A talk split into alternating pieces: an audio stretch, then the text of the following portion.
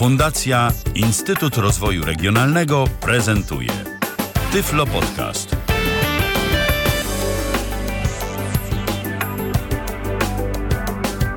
Dobry wieczór.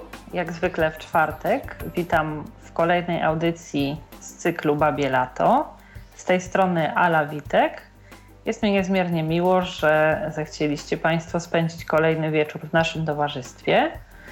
A dziś e, będzie dźwiękowo, będzie ciekawie, będzie o audiodeskrypcji w najróżniejszych aspektach, e, ponieważ e, zaproszenie do studia Babiego Lata zechciała przyjąć pani Justyna Mańkowska z Fundacji Katarynka. Witam serdecznie pani Justyno. Bardzo mi miło gościć Państwa i też mam nadzieję, że spędzimy miło kilkadziesiąt minut razem. Witam. E, witam. W takim razie e, ja zanim e, przejdę do naszego dzisiejszego tematu, jak zwykle na wstępie przypomnę Państwu, że mm, można się z nami kontaktować przez komunikator Skype na tyflopodcast.net, a także pod numerem telefonu 123 834 835 E, zachęcamy do zadawania pytań. E, także, jeśli wiemy już, kto jest dziś naszym gościem, e, Pani Justyno, może na wstępie w kilku słowach, gdyby Pani zechciała opowiedzieć mi, słuchaczom o tym, czym zajmuje się Państwa fundacja, jakie są jej statutowe cele i może przybliżyć nam swoją rolę, w jakich obszarach Pani E, praca mm, w fundacji się odbywa? E, nasza fundacja działa, jak sama jej nazwa, taka dłuższa e, mówi, na rzecz rozwoju audiodeskrypcji.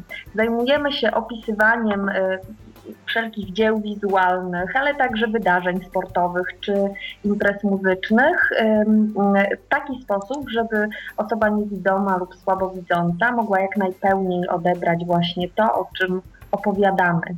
E, tym jest audiodeskrypcja, o czym Państwo zapewne doskonale wiedzą. E, ja e, muszę tutaj nieskromnie się przyznać, że Katarynkę współzakładałam. To była moja i mojego kolegi prezesa Mariusza Trzeciekiewicza inicjatywa. Ten pomysł zrodził się tak trochę przypadkiem.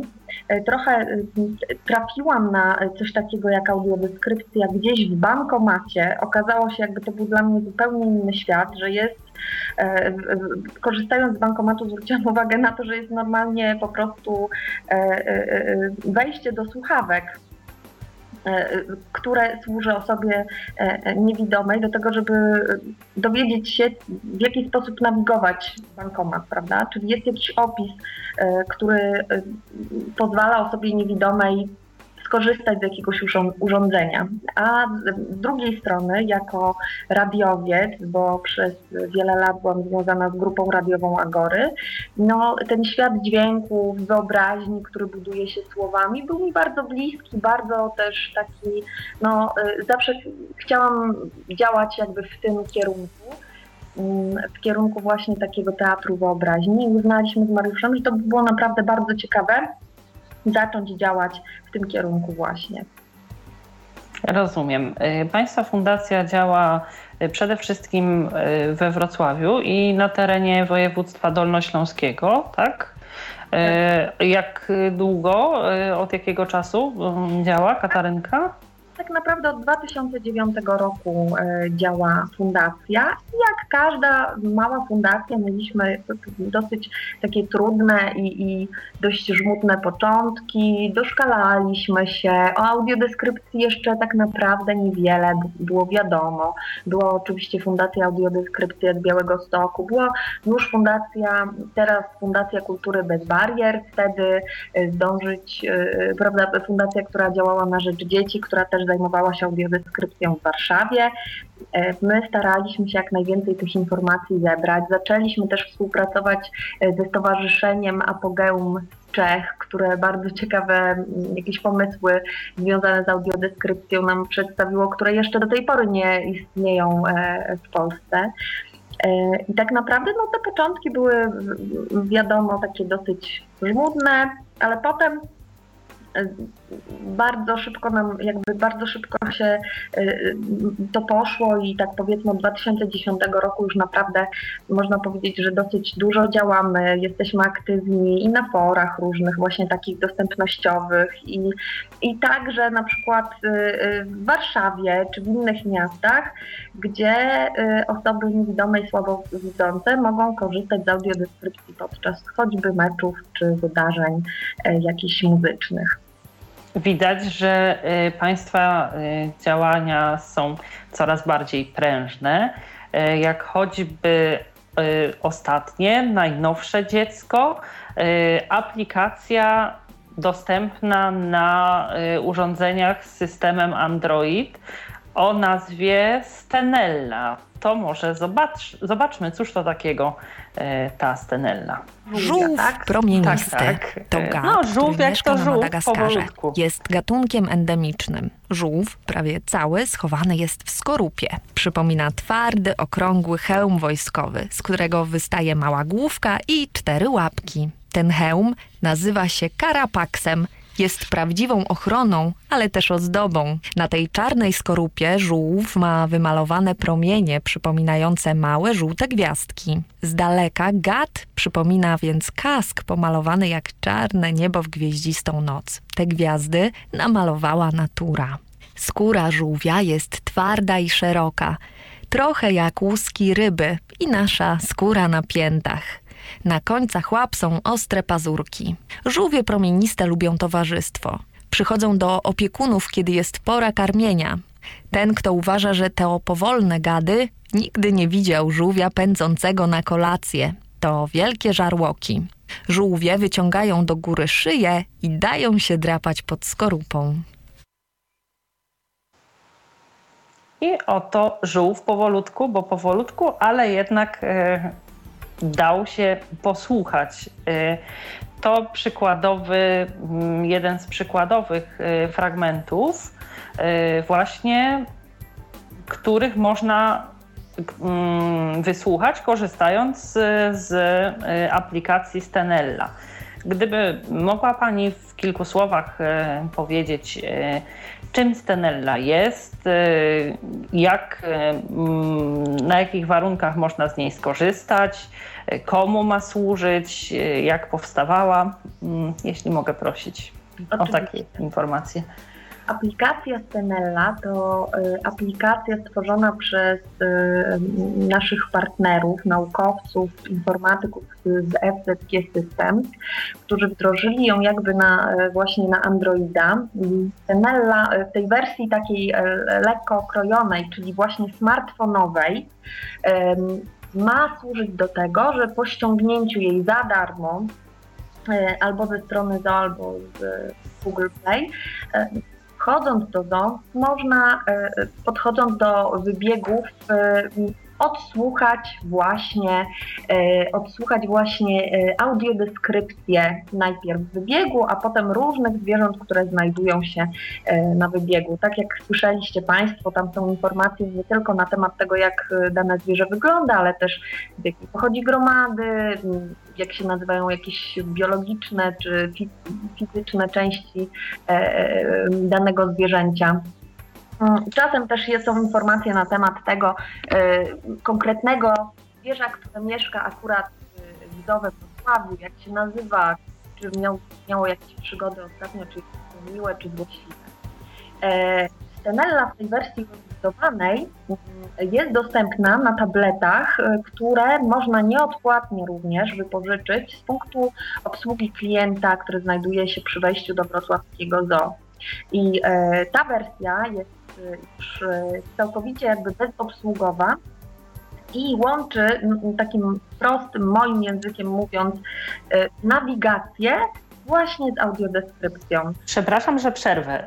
To w kwestii tej nawigacji, załóżmy, że E, pobieramy tablet już uzbrojony w tą aplikację, włączamy ją i jak powinniśmy, ona jakoś nas prowadzi po tych ścieżkach, żebyśmy po kolei podchodzili do wybiegów omawianych po kolei zwierząt, Dokładnie. czy trasa jest dowolna dla, możemy sobie wybierać i sami modyfikować wiedząc, że na przykład stoimy przy y, jakimś tam wybiegu danego zwierzęcia, możemy sobie sami włączyć określony fragment. Jak to wygląda? Niestety właśnie ta wersja jest jakby bezobsługowa, czyli postanowiliśmy mm, też oczywiście ze względu na to, że i finansowo i czasowo byliśmy ograniczeni, zrobić jedną ścieżkę dość rozbudowaną, która zajmie nam ponad 70 minut dobre e, zwiedzania ale tak naprawdę wchodzimy do zoo i od razu jesteśmy informowani, w którą stronę powinniśmy się udać, tak? Że teraz ileś metrów przed siebie, że, żebyśmy uważali na drzwi obrotowe, które właśnie mijamy e, i tak dalej, i tak dalej. Ona nas prowadzi trochę jak po sznurku, trochę jak po nitce, e, tak naprawdę ta nawigacja od pierwszego wybiegu do następnego i jeszcze kolejnego. Jedyna taka funkcjonalność, która zależy od użytkownika, to jest to, że możemy przewinąć dane zwierzę zwierzę. To znaczy, jeśli jesteśmy przy wybiegu, gdzie albo w jakimś pawilonie, gdzie mieszka nie wiem, 50 gatunków zwierząt, no to nie wszystkie chcemy słuchać, oczywiście, więc y, możemy sobie wybrać i przewijać te zwierzęta, żeby nie zatrzymywać się na wieki. Ale tak to właśnie wygląda. A wróćmy jeszcze na chwilę do samego y, odbioru tego tabletu w y, tym punkcie informacyjnym. Jakich warunków należy dopełnić od strony formalnej? E, zostawia się jakąś kaucję, e, trzeba wypełnić jakieś dokumenty. Jak to wygląda? To znaczy, ze względu na to, że jest to jakby nieodpłatne, nie uwzględniliśmy kaucji. Trzeba wypełnić takie oświadczenie, że jeśli coś się stanie z tym tabletem albo zginie, zostanie skradziony, no to my będziemy ponosić jakąś odpowiedzialność. My w sensie użytkownik wypożyczający. Mhm. Tak. No i niestety na razie nie mamy innego e, sposobu na e, mhm. jakby egzekwowanie tego. E, nie jest to jakieś e, legalnie czy też prawnie bardzo doskonałe rozwiązanie, ale musimy jakby zebrać dane osoby. Także... Czyli wystarczy mieć przy sobie dokument no, tożsamości, tak? tak? Dokładnie tak. Wypełnić też, podpisać się, tak, że biorę, że to jest moja teraz odpowiedzialność na podczas tego spaceru w dom i że mhm. oddam to do punktu obsługi klienta z powrotem. E, tych tabletów jest kilka. Nie ma e, takiej okoliczności, że ktoś przyjdzie i okaże się, że wybrał się nadaremno, bo akurat e, jest niedostępny, tak? Wydaje mi się, tych tabletów jest mhm. sześć w tej chwili. Mhm, rozumiem. I czytników tego systemu RFID, które jakby współdziałają właśnie z takimi tagami, znacznikami, które znajdują się na trasie i e, wysyłają sygnały, wysyłają sygnały i jakby wtedy zaczyna się nawigacja i audiodeskrypcja. Wydaje mi się, że to bardzo mało prawdopodobne, żeby akurat zdarzyło się tak, że dla kogoś. Natomiast mamy oczywiście jeszcze opcję, że mamy głośnik. Jeśli jest jakaś zorganizowana grupa, E, która razem chce jakby zwiedzać, no to może to się odbywać w formie takiej wycieczki z przewodnikiem, tak? Przewodnicy też mają jakieś głośniki, a my możemy spokojnie taki głośnik podłączyć do tabletu e, i po prostu większa grupa osób może z tego korzystać wtedy. Rozumiem.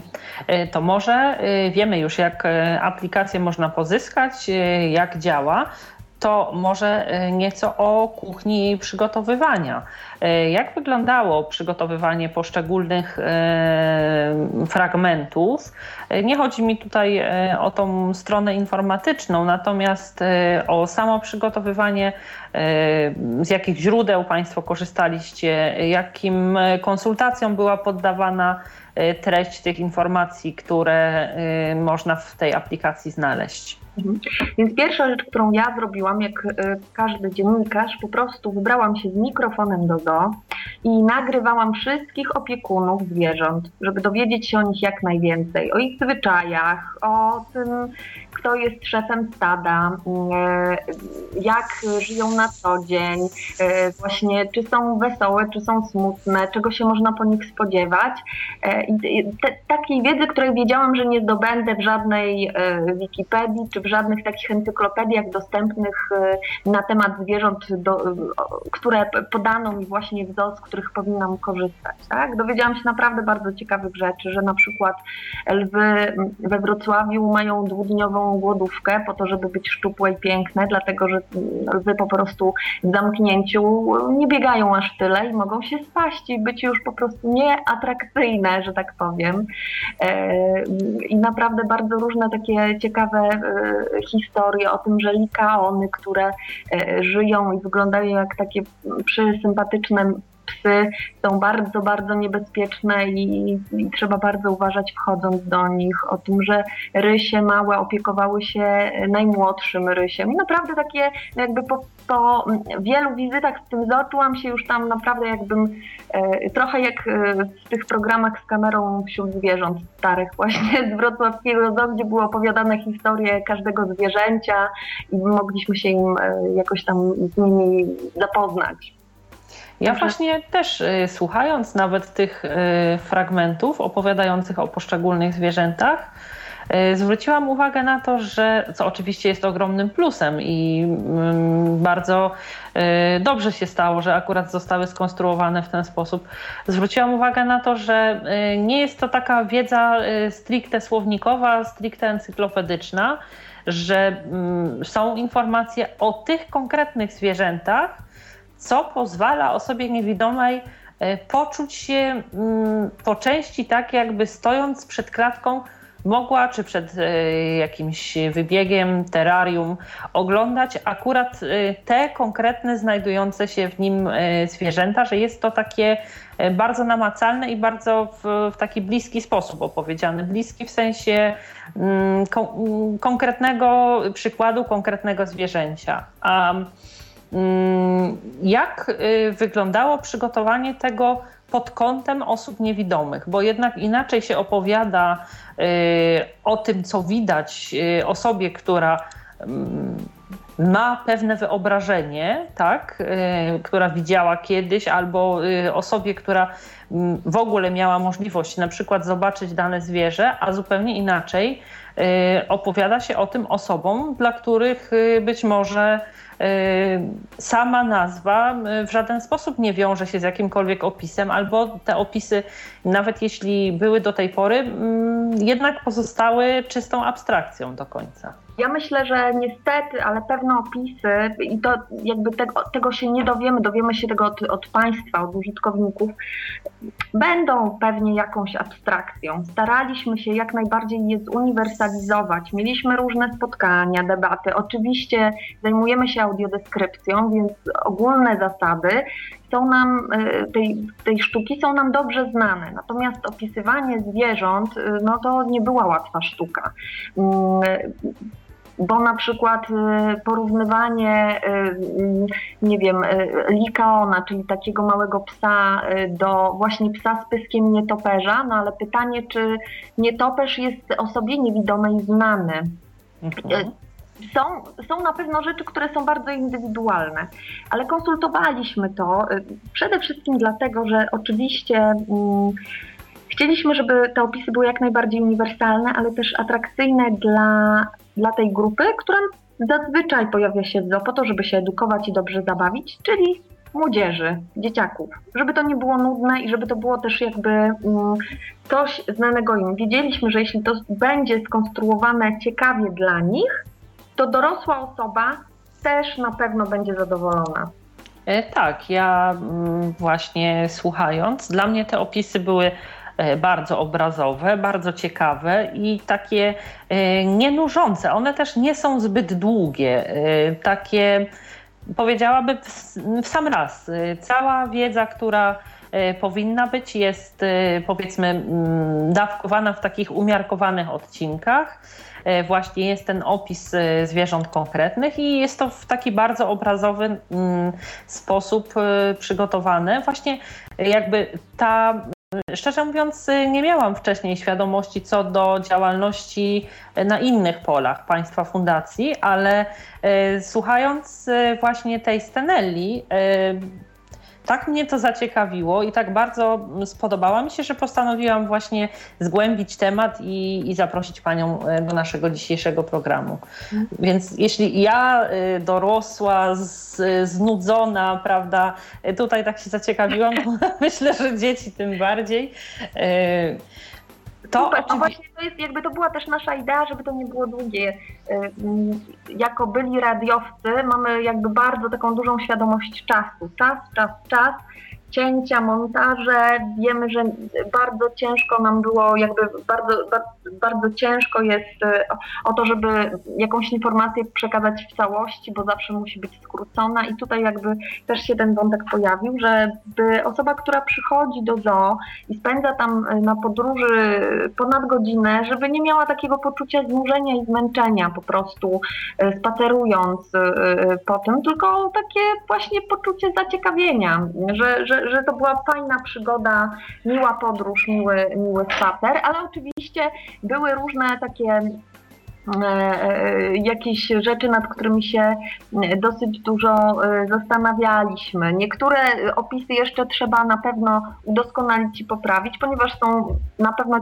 dobrze jakby zrobione pod względem sztuki audiodeskrypcji, natomiast kilka uwag mamy jeszcze od pracowników zoo, że na przykład pelikan nie ma płet, tylko ma błony między palcami, że mm, czyli taka lama, nie ma kopyt, tylko ma racicę. I to są bardzo ważne jakby informacje z punktu widzenia biologa, y, naukowca, który się, naukowca, który się zajmuje y, y, zwierzętami. No i, no i to są błędy, które my musimy poprawić, a które jakby dla nas były, nie były takie oczywiste do końca, prawda? Że jakby kierowaliśmy się jednak bardziej tym opisem, tym, co chcielibyśmy przekazać, a nie do końca pojawiły się jakieś chochliki, że tak powiem, takie systematycznej wiedzy.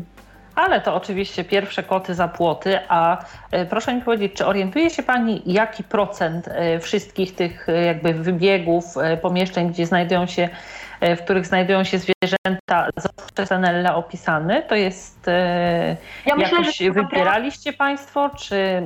No chcieliśmy zrobić jakby najbardziej taki reprezentatywny i ciekawy fragment, tak, żeby tam były żyrafy, nie mam niestety słoni, ale żeby były takie zwierzęta, które też dzieciaki czy młodzież znają z bajek, żeby opisując lemury można było się odwołać do bajki Madagaskar, do króla Juliana yy, i tak dalej. Mm, jest to mm, podejrzewam jedna czwarta, jedna trzecia całego ogrodu zoologicznego. Ten ogród jest naprawdę gigantyczny. Teraz buduje się tam jeszcze wielkie afrykarium, w którym będą na pewno jakieś przepastne po prostu y, zasoby biologiczne, wspaniałe rafy y, koralowe i y, niezwykłe zwierzęta. I to też taka dla nas oczywiście jest kolejne pragnienie, żeby zaudiodeskrybować coś takiego. Tak, bo to bardzo egzotyczne i takie w, oprócz zwierząt pokazujące jeszcze ich y, takie niemalże naturalne środowisko, prawda? Dokładnie, tak. Dlatego też wybiegi oczywiście staramy się opisywać, od, od, od, odnosić jakoś do tego naturalnego środowiska też, e, tak żeby to było ciekawie i fajnie przedstawione na pewno. Co w trakcie przygotowywania tych opisów e, od strony merytorycznej e, było mm, taką najtrudniejszą barierą do pokonania z Pani punktu widzenia? E, powiem szczerze, że nie sama audiodeskrypcja, ale nawigacja. To było dla nas naprawdę bardzo trudne zadanie, bo tym się jeszcze nie zajmowaliśmy. Oczywiście mieliśmy doświadczonego tyflopedagoga, który e, wielokrotnie przemierzał z nami trasę z zamkniętymi oczami, z laską, nagrywając się na dyktafon, e, wydając odpowiednie jakby mm, tutaj wskazówki. Komendy, tak? Mhm. Takie komendy, tak, że tutaj że tutaj zmienia się podłoże, że tu jest krawężnik, że tu skręcamy e, po łuku w prawo. My je oczywiście musieliśmy dostosować, e, jakby no tak wygładzić językowo, zredagować nagrać, no i potem jakby naj, największy dla nas problem to było wrzucanie tego do systemu tak, żeby mieć pewność, że moja lewa to jest lewa też osoby, która będzie tego słuchała po prostu, żeby nie pomylić żadnych kierunków, czegoś nie przekręcić i oczywiście potem jeszcze musieliśmy to sprawdzić i były takie kwiatki, że komu, kogoś e, e, prosimy, jest komenda skręć w lewo, oczywiście w lewo jest ściana, więc musieliśmy to poprawić. No, generalnie dobrze, że ściana. Gorzej, gdyby ktoś próbował wejść na przykład do klatki z lwem po dwudniowej głodówce. Oczywiście, to oczywiście były nasze takie chochliki e, informatyczne. Chcieliśmy zrobić takie ślepe załuki, gdzie nagle byłaby informacja, uwaga, jesteś w klatce z lwami. E, staraj się nie e, denerwować i nie wykonywać gwałtownych ruchów, ale oczywiście to taki żart był z naszej strony już po wielodniowych e, e, pracach nad projektem. E, projekt jest naprawdę świetny. Z mojej strony, myślę, że ze strony mm, przyszłych użytkowników, naprawdę najwyższe wyrazne uznania to myślę, że os- chcemy tak? projekt się nazywa cały, bo aplikacja nazywa się Stenella i to jest nazwa delfina, który korzysta z echolokacji przy poruszaniu się, gatunek delfina. Natomiast y, cały projekt nazywa się Ogród Wyobraźni. No i my oczywiście wierzymy, że taki ogród wyobraźni to może być każdy ogród, i botaniczny, i jakiś park y, y, w stylu Centrum Nauki Kopernik, te wszystkie miejsca, które mają właśnie jakieś takie bardzo ciekawe zasoby i edukacyjne, i przyrodnicze i na pewno taką, taki projekt można tam przeszczepić. E, tak, e, na pewno można, zwłaszcza, że e, generalnie na świecie takie mm, formy przewodników audio są bardzo popularne. To są i właśnie, tak jak wspomniała Pani, jakieś ogrody botaniczne, są skanseny, w których można znaleźć opis y, miejsc, opis jakichś y, powiedzmy, nie wiem, starych mebli, czy jakichś mm, dawno już nieużywanych y, narzędzi służących do wykonywania codziennych prac, więc uważam, że takie inicjatywy są wspaniałe. Wiele mówią o świecie dzisiejszym, wiele też mówią o mm, też miejscach, sferach takich egzotycznych. Mogą też opowiadać o Y, czasach y, minionych, o tym, jak wyglądało kiedyś życie, więc y, rzeczywiście plany i, i, i pomysł jest naprawdę wspaniały. To może teraz przejdziemy do mm, rozrywki takiej powiedzmy bardziej masowej, głośniejszej, pozwalającej na kontakt z kulturą. Chodzi mi mianowicie o audiodeskrypcję z festiwalu Orange Warsaw Festival ubiegłorocznego, tegorocznego. Posłuchajmy może wrażeń słuchacza audiodeskrypcji w Państwa wykonaniu. W przerwach pomiędzy piosenkami wkłada się słuchawkę i od razu wiem, co się dzieje, prawda? Jak tylko piosenka się kończyła, od razu wkładałem słuchawkę, żeby wiedzieć, co się dzieje na scenie w tym momencie. No i wiedziałem więcej niż moja narzeczona, z którą, z którą byłem. Ja oczekuję informacji takich, e, co, co się dzieje na scenie, jakie jest światło, jak wygląda stadion, to co często y, słyszałem, o konkretnych muzykach, którzy grają na scenie w danym momencie, że jakby wiem, co się dzieje na scenie, wiem, nawet jeśli ktoś coś, coś się dzieje nieplanowanego. I to jest właśnie fajne, że ja wiem, co się dzieje cały czas, no nie? Że nie, nie tylko te planowane rzeczy. Stroje gwiazd, ich jakieś charakterystyczne, szczególne dla danej osoby zachowania komunikaty przed czy po koncercie także są w jakiś sposób potrzebne? Korzystałbyś z nich? Tak, i skorzystałem. Na przykład z komunikatu, czym dojechać do centrum. Bez audiodeskrypcji przeżywałbym ten koncert powiedzmy w 50%, a teraz go przeżywam w 85%, dajmy na to. Czy w 90% nawet. I, e, i Także jest znacząca różnica i w ogóle nie ma, dla mnie, w, uważam, że nie ma żadnej wątpliwości, że to coś takiego powinno być.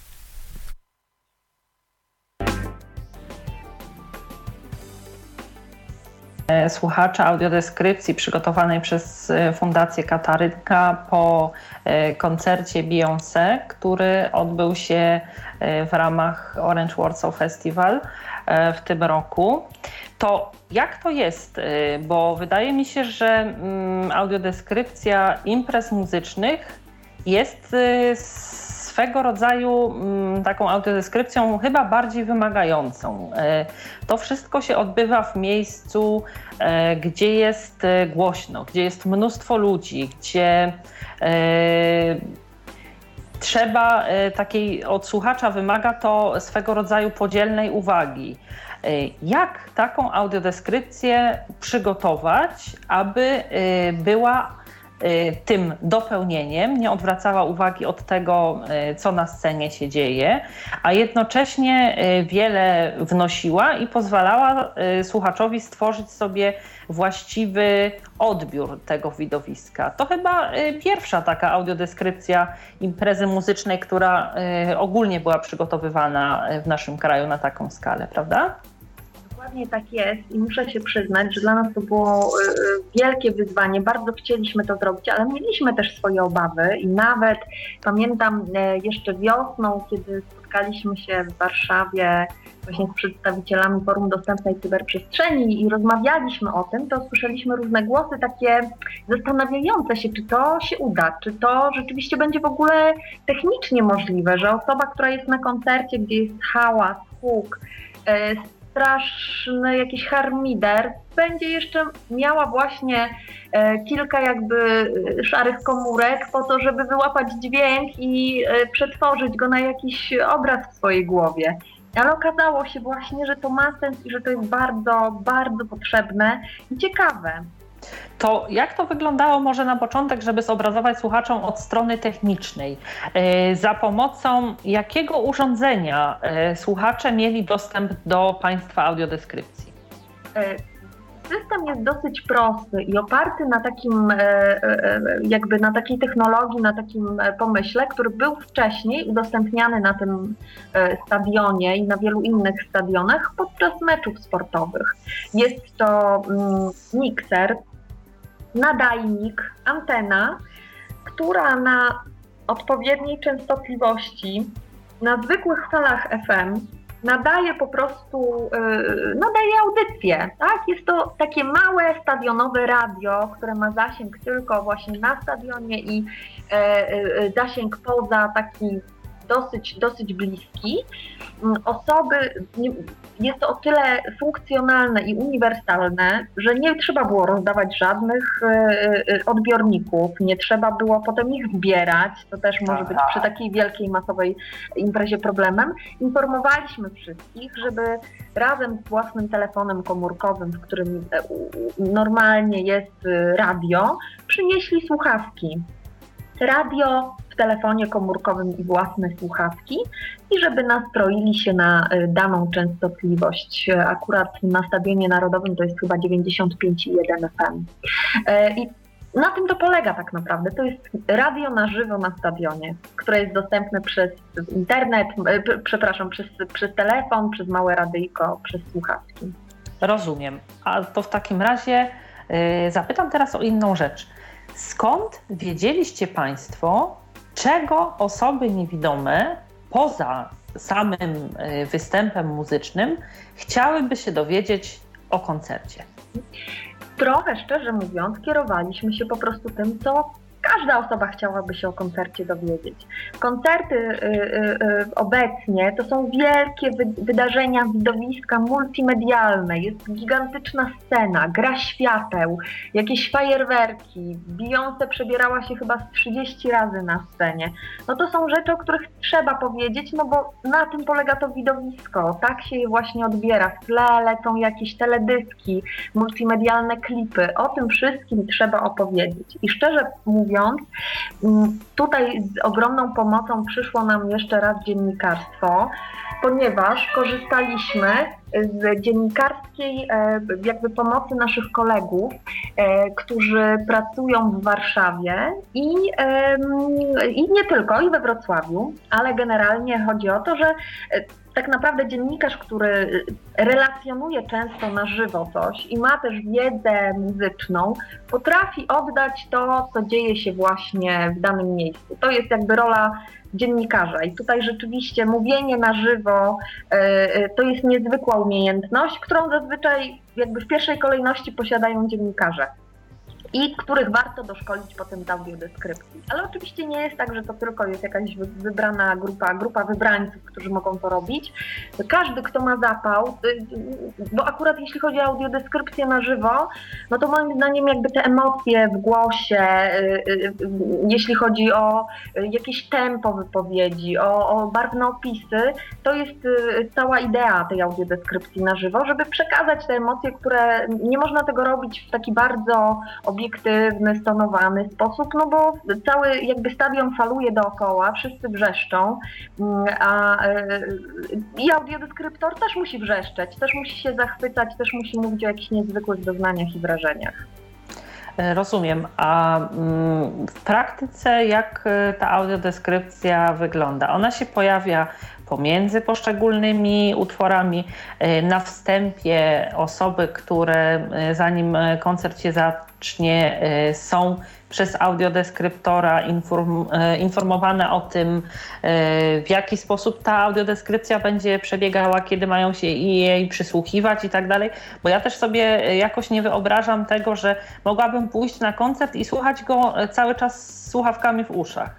Nie, zdecydowanie. To, to, no to by zabiło chyba też ideę koncertu. Mhm. Więc e, e, zrobiliśmy sobie jakiś taki plan tego, jak ta audiodeskrypcja powinna wyglądać. I oczywiście na początku często ludzie przychodzą wcześniej, próbują sobie znaleźć jakieś fajne miejsce i to jest ten moment, kiedy, mm, e, kiedy audiodeskryptorzy zaczynają mówić właśnie o takich praktycznych informacjach, czyli mhm. czym potem, którędy się wydostać ze stadionu, y, gdzie można wypić y, kolej i zjeść kiełbaskę, y, jakie autobusy będą wracały po koncercie i jakie mosty będą zamknięte, tak? A oprócz tego jest już moment i czas na to, żeby taki audiodeskryptor, fanatyk muzyczny, trochę popisał się swoją wiedzą i trochę zachęcił i przedstawił jakiś wstęp do tego, kto e, i z jakim repertuarem wystąpi dzisiaj na scenie. Potem oczywiście, kiedy zaczynały się już, e, zaczynały się już koncerty, no to te um, audiodeskrypcje, te opisy staraliśmy się oczywiście tylko między piosenkami, Chociaż były takie momenty, szczególnie na tym koncercie Beyoncé, że naprawdę trudno było milczeć, e, ale na szczęście panuje wolność w naszym kraju i osoba, która słuchała, mogła sobie w każdej chwili, kiedy zaczynała się piosenka, wyjąć po prostu słuchawkę z ucha i włożyć, kiedy będzie była gotowa już do ponownego odbioru, prawda? A po drugiej stronie był ktoś, kto jej opowie, co się dzieje. Czy ma Pani jakieś informacje na temat tego, jak wiele osób korzystało e, w trakcie tego koncertu z Państwa audiodeskrypcji? Niestety nie. Po pierwsze dlatego, że to był pierwszy koncert, a po drugie dlatego, że właśnie no, nie prowadziliśmy ewidencji żadnych odbiorników. E, każdy mógł samodzielnie odbierać sobie, odbierać taki sygnał, prawda? Czyli nie mieliśmy żadnego, żadnej wypożyczalni e, sprzętu radiowego, gdzie trzeba było się podpisać i, tak, tak. Więc trudno niestety mi powiedzieć, ile to było osób. E, po Orange Warsaw Festival zrobiliśmy jeszcze kilka koncertów i na pewno na tych e, koncertach użytkowników było więcej ze względu na to, że jakby ta wieść się e, e, rozeszła. Był koncert Paula McCartneya, był wspaniały, wspaniałe widowisko muzyczne Rogera Watersa, było Depeche Mode i na tych wszystkich koncertach była już audiodeskrypcja przeprowadzana. Mam nadzieję, że w przyszłym roku e, to już będzie jakby taki stały element właśnie koncertów na stadionie, że będą one dostępne dla osób niewidomych i najnormalniej w świecie każdy będzie o tym wiedział po prostu, każdy zainteresowany i, i będzie mógł z tego skorzystać. A gdzie na chwilę obecną e, będzie można zasięgnąć informacji odnośnie tego, e, kiedy i jakie koncerty będą przez Państwa audiodeskrybowane? Tak naprawdę robimy to na razie we współpracy ze Stadionem Narodowym, bo to jest największa arena, na której rzeczywiście pojawiają się niezwykłe gwiazdy i która zresztą jest bardzo otwarta na taką współpracę. Mm, I, I to oni zgłosili się do nas z takim pomysłem. E, więc e, wszystkie informacje oczywiście na, na, stronie Stadionu Narodowego na temat audiodeskrypcji. My też informujemy o tym i na swoim Facebooku, i na stronie, kiedy następne koncerty będą się odbywały. Teraz sezon koncertowy niestety jako taki, właśnie taki masowy kończy się pewnie do przyszłej wiosny, więc na razie nie planujemy żadnych tak naprawdę e, koncertów, chyba że się coś pojawi.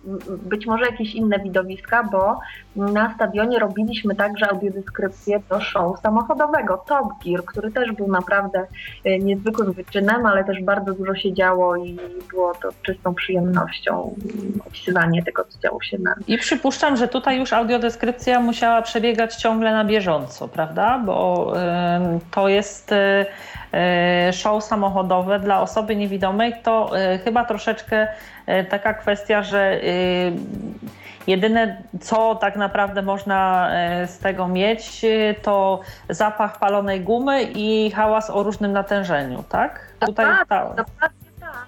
Tak, dokładnie tak.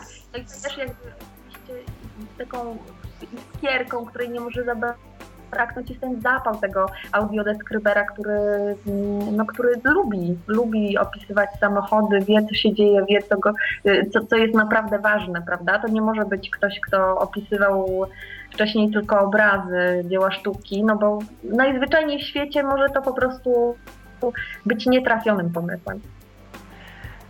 No cóż, e, imprezy plenerowe mm, jak na razie w odwrocie, natomiast e, kolejną gałęzią takiej audio, audiodeskrypcji rozrywkowej, którą Państwo prowadzicie, e, są mecze koszykarskie, mecze piłkarskie. Mm, tutaj głównie chodzi o drużyny Śląska Wrocław.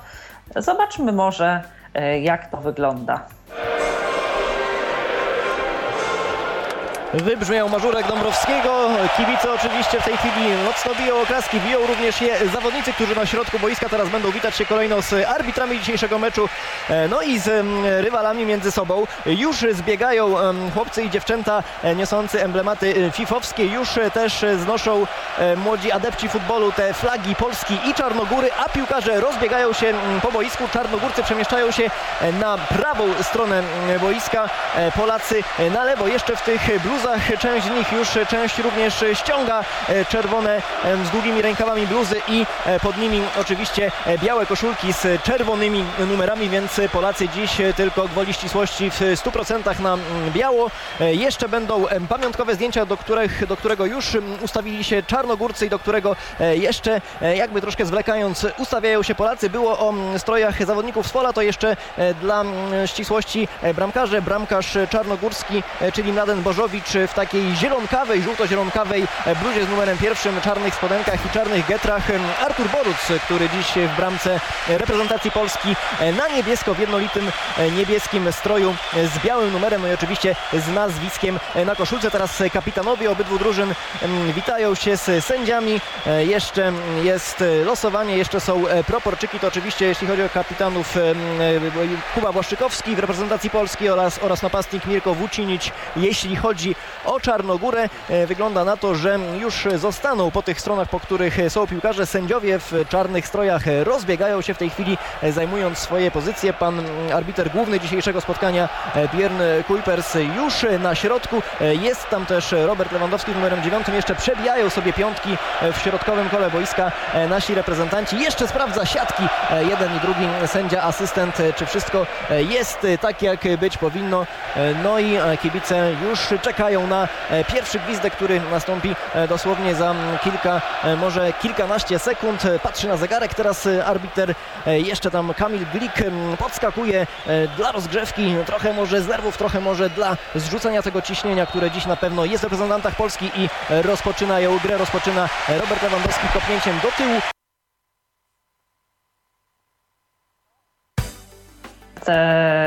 Meczu naszej reprezentacji narodowej z reprezentacją Czarnogóry Natomiast, tak jak wspomniałam wcześniej, Państwo mm, audiodeskrybujecie przede wszystkim mecze piłkarskie i koszykarskie drużyny Śląska Wrocław. Mhm. Jak jest z zainteresowaniem? Kibice chętnie korzystają z tej audiodeskrypcji? Mm, osoby niewidome udają się na te mecze? Czy są to jak na razie jednostkowe przypadki? E, najpierw właśnie sprostuję, bo nie, nie jest tak do końca, że tylko Śląsk Wrocław e, to jest jakby nasz główny cel, ponieważ regularnie już od roku robimy też audiodeskrypcję na Pepsi Arenie w Warszawie do meczów e, Legii Warszawa. E, także na Legii też jesteśmy stale i nawet e, e, te mecze z tą audiodeskrypcją są potem, znaczy potem, w tym samym czasie transmitowane z Kanal Plus.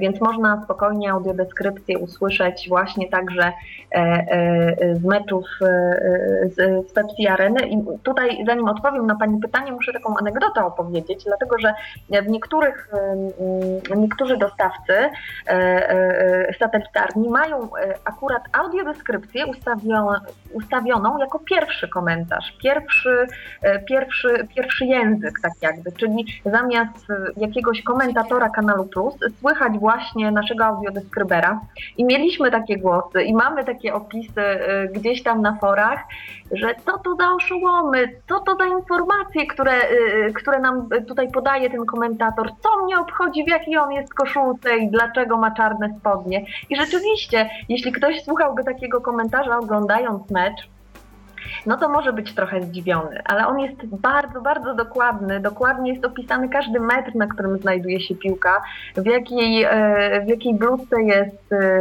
czy bramkarz, czy, czy właśnie reprezentacja.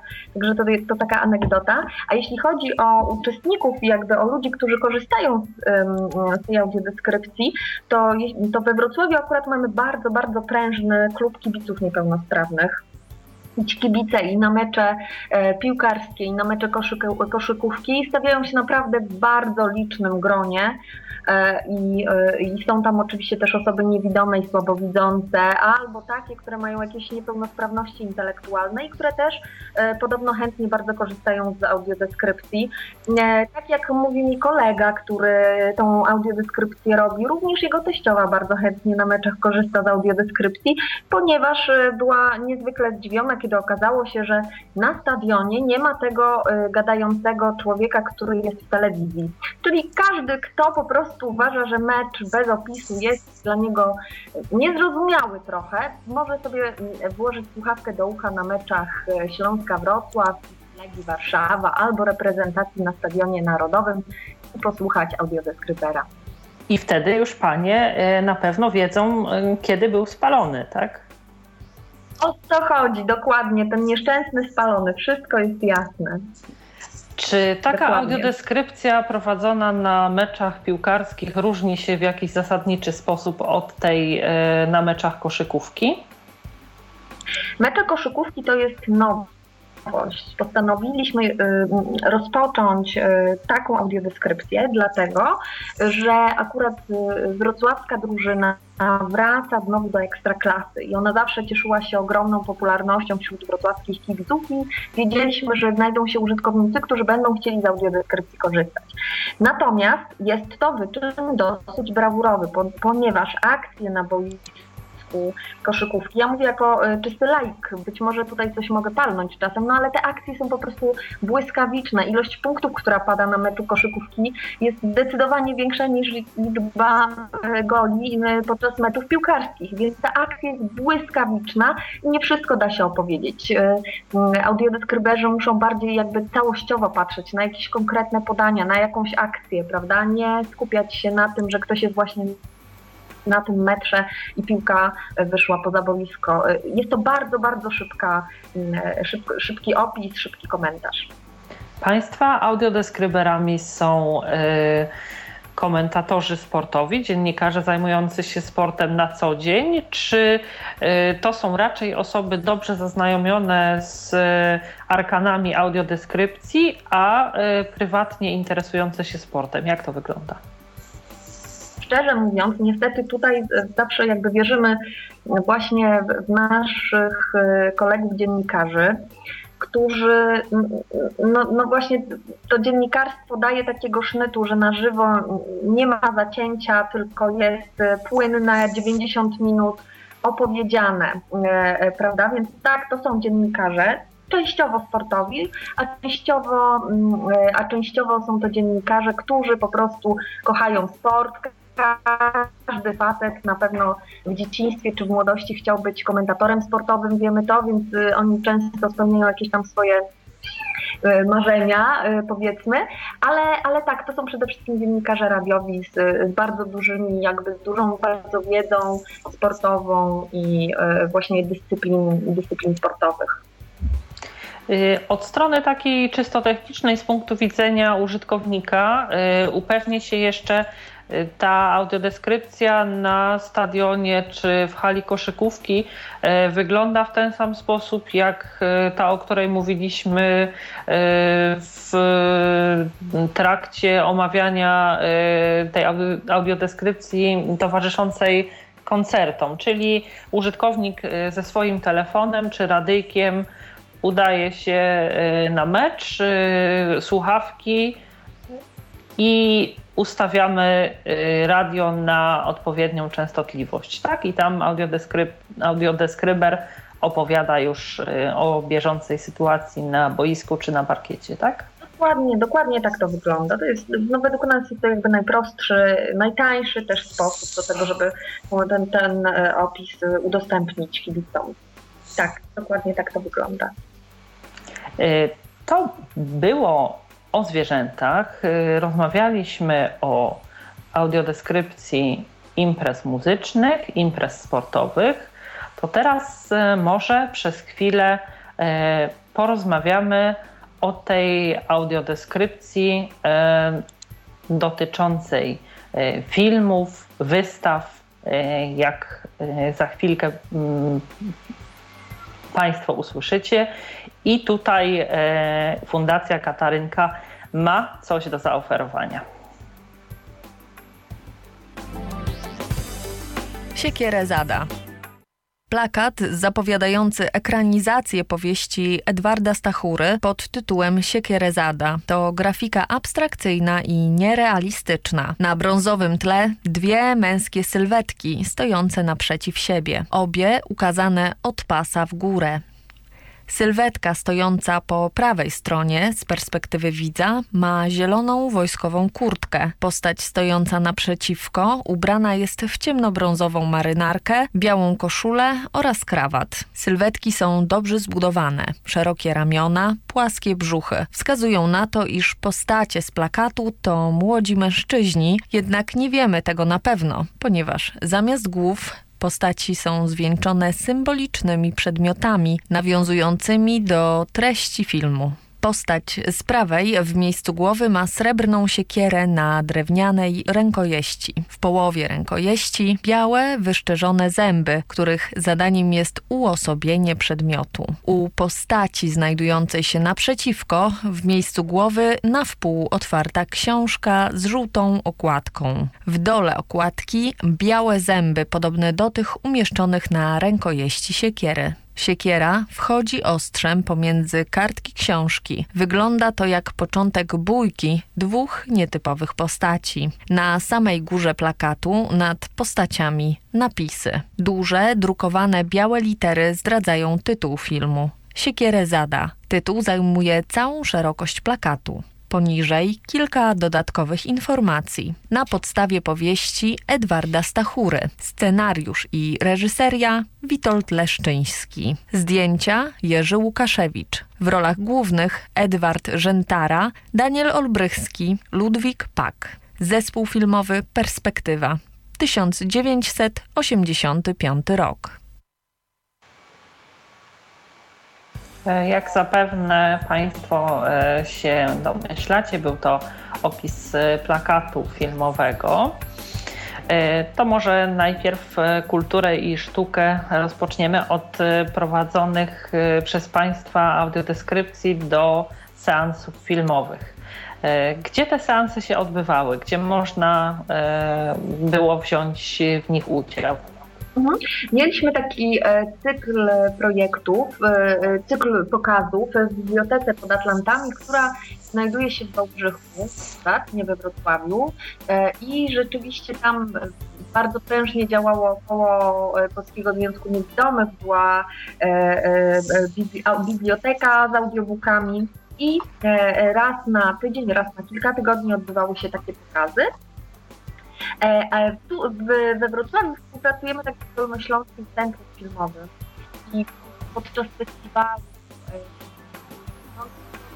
Brave Festival był też taki festiwal filmowy, Brave Film e, Przepraszam bardzo, e, gdyby mogła Pani powtórzyć od współpracujemy z Dolnośląskim Centrum Filmowym, bo gdzieś nam ten głos ucieka. Jasne podczas festiwalu e, Brave Festival. To jest taki bardzo ciekawy festiwal winący kultur, który odbywa się co roku tego lata. E, w Dolnośląskim Centrum Filmowym odbywa się także festiwal filmowy towarzyszący Brave e, Festival. I na ten festiwal także udało nam się zaudiodeskrybować film dokumentalny.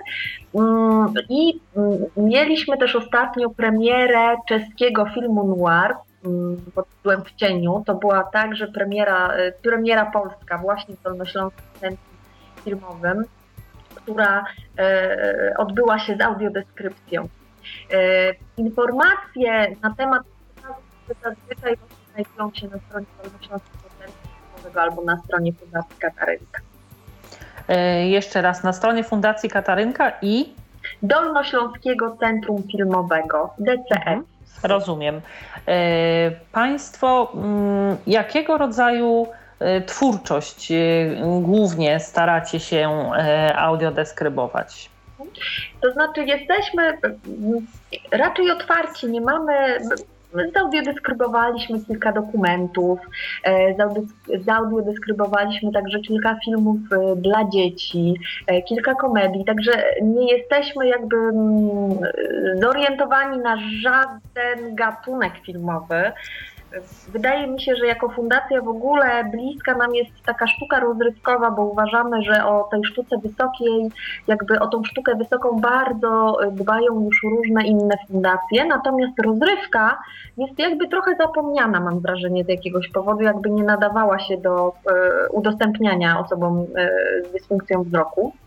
A filmy to przede wszystkim relaks, oglądanie filmów. Dokładnie tak, więc staramy się raczej wybierać właśnie takie rzeczy, które raczej bawią, cieszą, relaksują, a niekoniecznie yy, no, zmuszają do głębokiej refleksji, tak? Dokładnie, chociaż nie, nie chciałabym tutaj też tak kategorycznie powiedzieć, że nas takie filmy y, nie interesują. Tak, tak, bo do, y, filmy dokumentalne jak najbardziej zmuszają do, do głębokiej refleksji, ale y, dobre jest to, że y, nie tylko na, na te takie najbardziej ambitne pozycje stawiają Państwo przy, przy prowadzeniu audiodeskrypcji. A na jakich warunkach można było z niej skorzystać? Trzeba było wcześniej jakoś do Państwa się zgłaszać, czy E, wystarczyło odwiedzić placówki, w których e, te seanse się odbywały.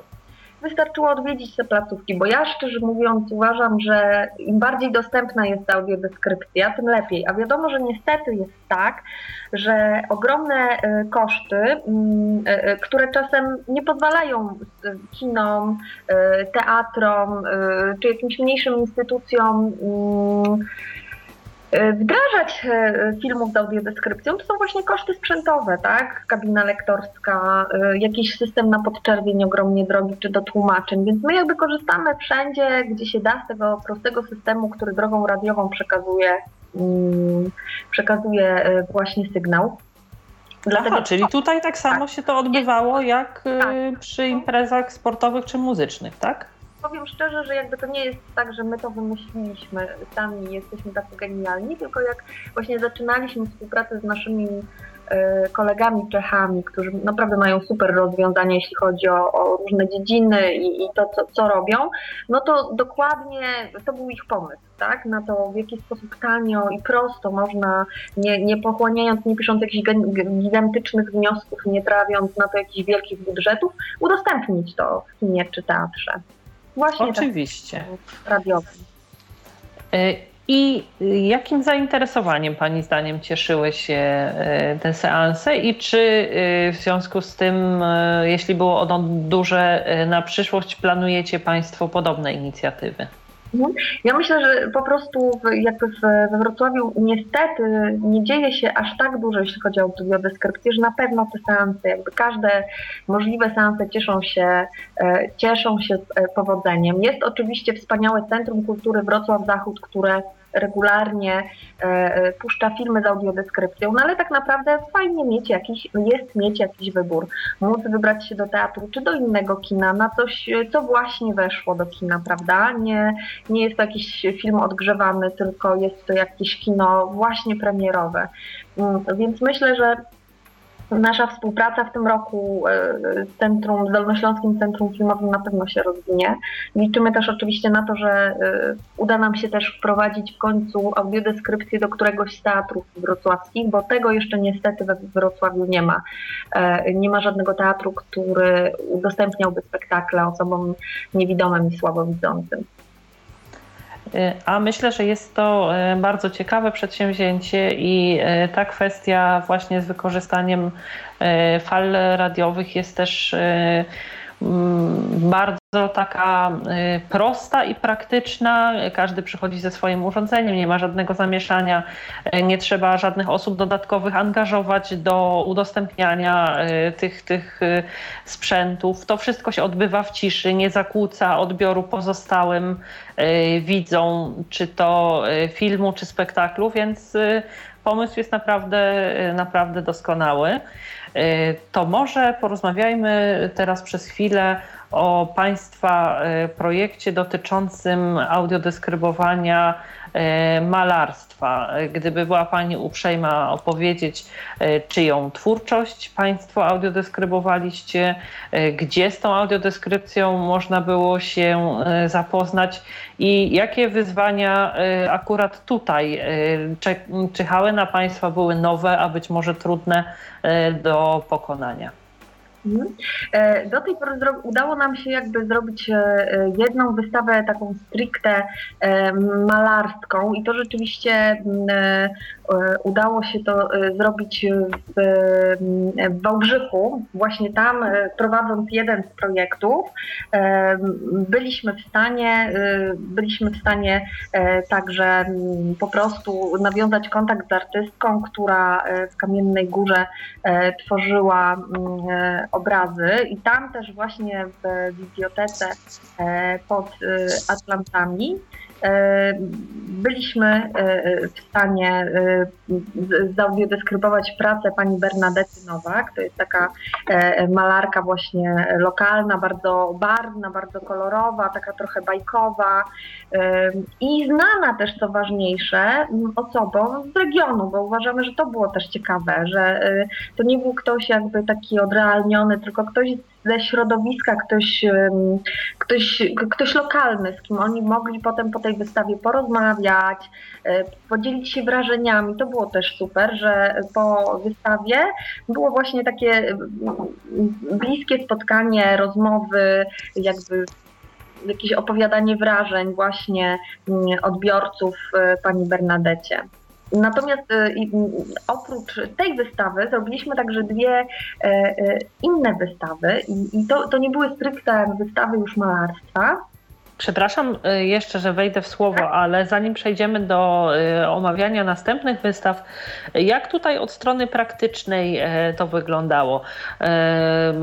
Chodzi mi po prostu o to, czy użytkownicy również z tymi urządzeniami mogli wysłuchać audiodeskrypcji, czy ktoś po prostu na bieżąco opowiadał w trakcie zwiedzania całej grupie odwiedzających wystawę, jak przebiegała ta audiodeskrypcja? Tak, tutaj rzeczywiście to był jakby jeden, jedna z naszych pierwszych takich akcji, więc tu wykorzystaliśmy jeszcze do tego, do tego pokazu po prostu system takich audioprzewodników które, które mhm. były normalnie jakby wypożyczane, trochę jak takie mm, trochę jak właśnie takie zestawy do tłumaczeń i na bieżąco jakby odtwarzana była ta audiodeskrypcja y, na miejscu, tak? Czyli nie było mhm. to mm, tak trochę jak wzorze, ktoś podchodził od obrazu do obrazu i mógł jakby odsłuchiwać indywidualnie mm, audiodeskrypcji przy, kolei, przy, przy konkretnym dziele, tylko było to y, jakby udostępniane w jednym czasie wszystkim odbiorcom. I po kolei konkretne dzieła były omawiane, tak? Dokładnie tak, dokładnie tak. Taka jak, jak... misarz, prawda? Taka właśnie tak. wystawa jakby, gdzie y, dokładnie wszyscy mogli usłyszeć opisy. Y, rozumiem, a jaki był y, odbiór z tego, mm, co, czym później y, dzielili się po wystawie mm, uczestnicy, odbiorcy tej audiodeskrypcji? Odnosi Pani wrażenie, że udało się opowiedzieć o malarstwie? Bo w przypadku, powiedzmy, nie wiem, koncertu jest coś, te wrażenia słuchowe, atmosfera, e, którą e, słuchacz e, jest w stanie dzielić z innymi odbiorcami. W trakcie mm, meczów są emocje, jest, są komentarze mm, osób siedzących czy stojących obok. Podobnie w trakcie filmu jest normalna ścieżka dźwiękowa, a tutaj, jeśli chodzi o obrazy, nie ma nic. Jest tylko to, co jest opowiedziane za pomocą, za pomocą tej, tej Y, przygotowanej przez Państwa audiodeskrypcji.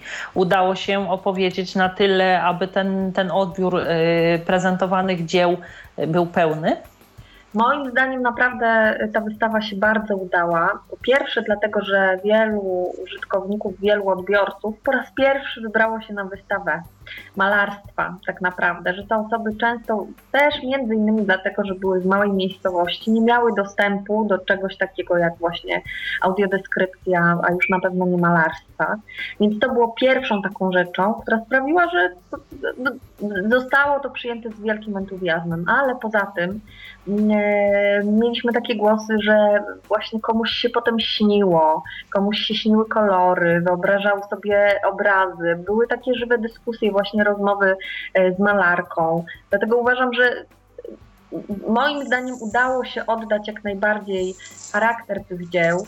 E, czy tak, jak wyobrażałaby sobie tego malarka, no tego już tak naprawdę nie dowiemy się pewnie nigdy, ale na pewno y, dała bardzo dużo jakby pola do rozmów, do wyobrażeń, do przemyśleń osobom, które z tego skorzystały.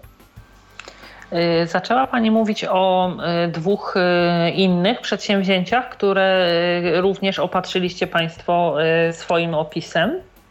Dokładnie to, co udało nam się odsłuchać chwilę temu, to był pla opis plakatu filmowego i cały szereg tych e, opisów stworzyliśmy do wystawy plakatu polskiego, który towarzyszył e, festiwalowi e, filmu Integracja, który odbył się w Kołobrzegu w tym roku.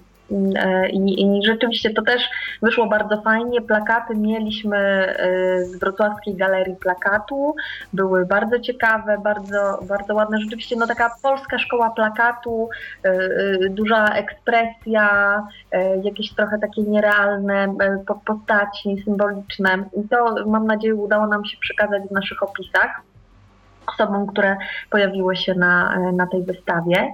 E, a e, wcześniej mm, zrobiliśmy wystawę bardzo taką realną, bo była to wystawa fotografii e, Bogusława Ogrodnika, który zdobył koronę ziemi mm, i taki znany podróżnik i z tych wypraw przywiózł wspaniałe zdjęcia właśnie ze szczytów ze wszystkich szczytów korony Ziemi, e, i podróży i te zdjęcia udało nam się też opisać. Oprócz tego na tej wystawie znalazły się też rzeczy, których osoby niewidome i słabowidzące mogły dotknąć. Był na przykład kamień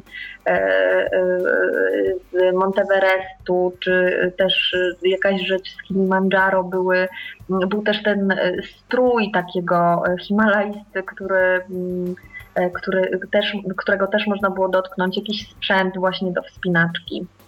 E, według mnie bardzo, bardzo fajna wystawa też. Oczywiście, e, natura, przyroda, to, co nas otacza, mm, jest takie niezmiernie prawdziwe i ciekawe. Ma też w sobie mm, taką pewną niezmienność, bo nawet jeśli coś się zmienia, to E, dzieje się to e, dosyć powoli.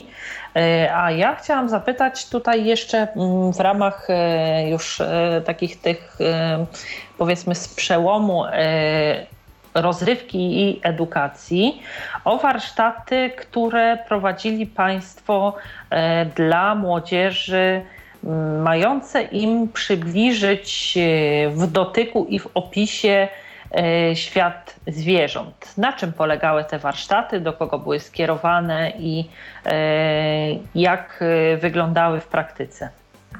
Te warsztaty były częścią tego większego projektu. Tutaj muszę e, dodać oczywiście, że był on e, dofinansowany przez Urząd Marszałkowski Województwa Dolnośląskiego. Ogród Wyobraźni, Zoo bez barier, czyli oprócz tego, że stworzyliśmy nawigację, że uzbroiliśmy e, zoo w tablety, że mm, można poruszać się samodzielnie po, po ścieżce z audiodeskrypcją, zorganizowaliśmy i nadal je organizujemy do końca roku na razie potem mam nadzieję też, właśnie takie zajęcia edukacyjne, bo wrocławskie ZOO ma normalną ofertę edukacyjną, miało do tej pory, dla dzieci zdrowych. Więc oczywiście pomyśleliśmy, że warto ją poszerzyć i udostępnić dzieciakom z dysfunkcjami wzroku, ale także e, z jakimiś niepełnosprawnościami intelektualnymi, żeby mogły doświadczyć tego ogrodu i tych zwierząt e, samodzielnie. No i tutaj naprawdę jakby e, przygoda zbierania i udostępniania tego była wspaniała. Po pierwsze, oczywiście tyflopedagog przeszkolił nauczycieli z ogrodu zoologicznego i to też naprawdę było było tam trochę niepewności, czy, czy sobie dadzą radę, czy, czy można o tych zwierzętach tak opowiedzieć i takie pokazać, żeby yy, niewidome dziecko rzeczywiście yy, potrafiło to i zrozumieć, sobie wyobrazić, tak? Skoro nie ma już kartek, nie ma filmów, nie ma prezentacji, z których yy, zazwyczaj się korzysta.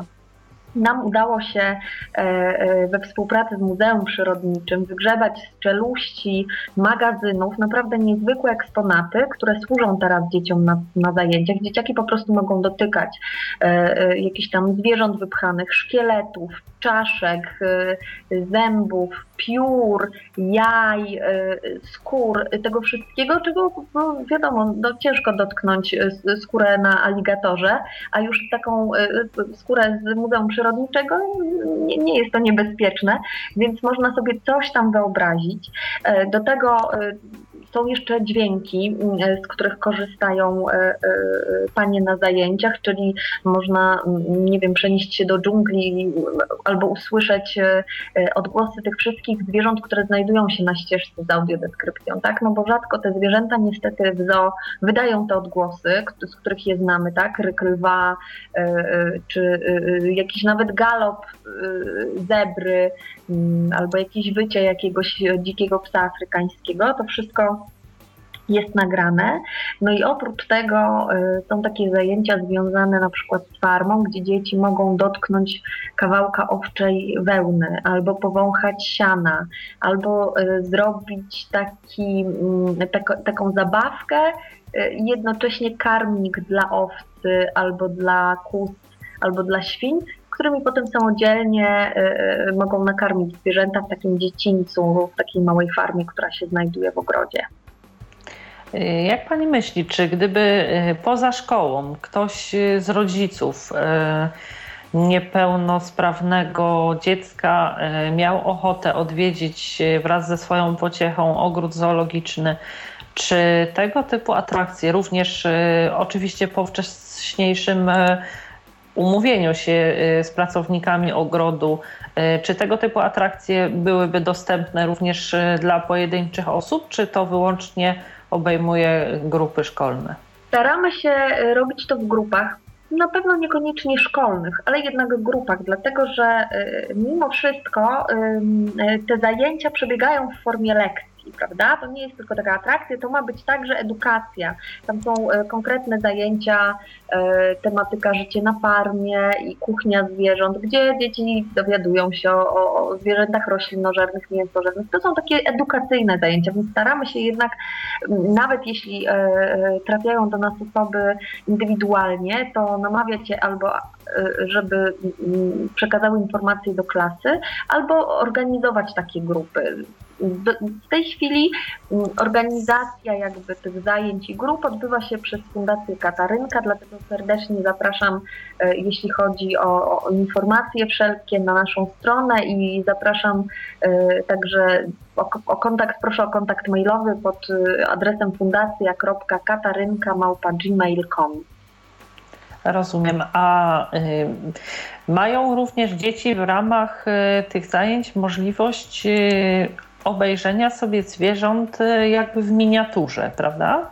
Dokładnie tak. Jakby w ramach przygotowywania tego, dostosowywania tych zajęć y, edukacyjnych y, dla dzieciaków funkcjami wzroku, fundacja także zakupiła właśnie figurki w miniaturze, takie, żeby w małych dziecięcych rączkach fajnie jakby się zmieściły, ale też te zwierzęta naprawdę są wspaniale y, wymodelowane, mają niezwykłe szczegóły y, i są tam takie dziwne gatunki jak na przykład y, świnia rzeczna czy okapi, czyli naprawdę egzotyczne zwierzęta, które są oddane z niezwykłą jakby starannością i każdy detal jest pokazany, też wymodelowany, prawda? Myślę, że to jest także bardzo fajna pomoc. Zresztą w ramach ćwiczeń sami próbowaliśmy odbierać te wrażenia, jak Y, taka, taki model, takie figurki mm, oddają jakiekolwiek wrażenia właśnie nam, osobom widzącym. Y, I, jest to bardzo fajne, bardzo ciekawe. Myślę, że myślę, że dzieciakom też się to podoba.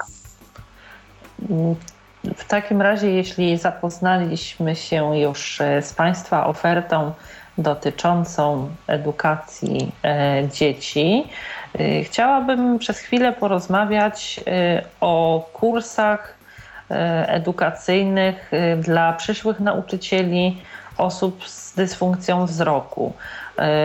One są przeznaczone dla osób, które już są nauczycielami wykształconymi, pracującymi, czy również może wziąć w nich udział osoba, która dopiero rozważa podjęcie studiów pedagogicznych czy tyflopedagogicznych? E, akurat te zajęcia, które prowadzimy, jak wiele unijnych jakichś projektów, są obwarowane różnymi e, jakby wytycznymi i, i tu akurat rzeczywiście osoby, które biorą udział w tym projekcie, uczestnicy tych warsztatów, muszą być już nauczycielami.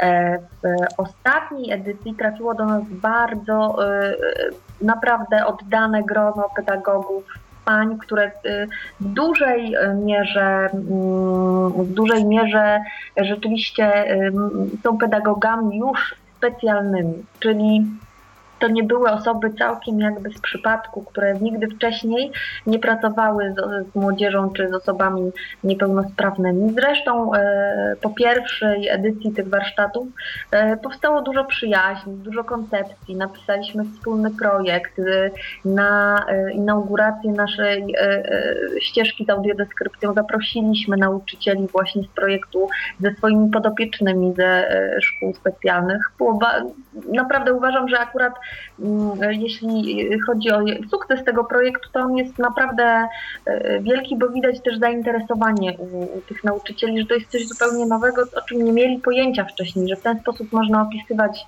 e, i uczniom, i dzieciom e, jakieś no, wrażenia i myślę też, że wykorzystują to w swojej pracy właśnie teraz w szkołach i to jest na pewno bardzo takie krzepiące i budujące. To jest projekt adresowany głównie do nauczycieli z terenu Dolnego, Dolnego Śląska, Wrocławia, czy z całego kraju mogą nauczyć? Mhm. Niestety to jest Dolny Śląsk, ale też ze względu na to, że ten kurs jest dosyć intensywny i rzeczywiście przez kilka miesięcy spotykamy się mm, co najmniej dwa dni w tygodniu albo więcej, więc e, rzeczywiście to wymaga takiego jednak zaangażowania. Rozumiem.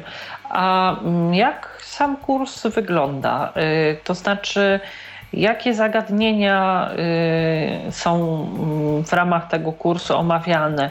Y, jak wyglądają zajęcia? To jest raczej sfera teoretyczna, czy mm, praktyczna, czy mieszana? Na jakiej zasadzie ten kurs się odbywa? E, podczas kursu są różne moduły. Jest praca z osobą niewidomą, czyli cała ta sfera taka powiedzmy tyflopedagogiczna, e, związana z e, omówieniem e, różnych dysfunkcji wzroku, w jaki sposób, czy orientacji, jakichś podstaw orientacji przestrzennej, takiego, takiej codzienności właśnie związanej z życiem osób z dysfunkcjami wzroku. Jest także ta e, część stricte związana z opisywaniem i z audiodeskrypcją.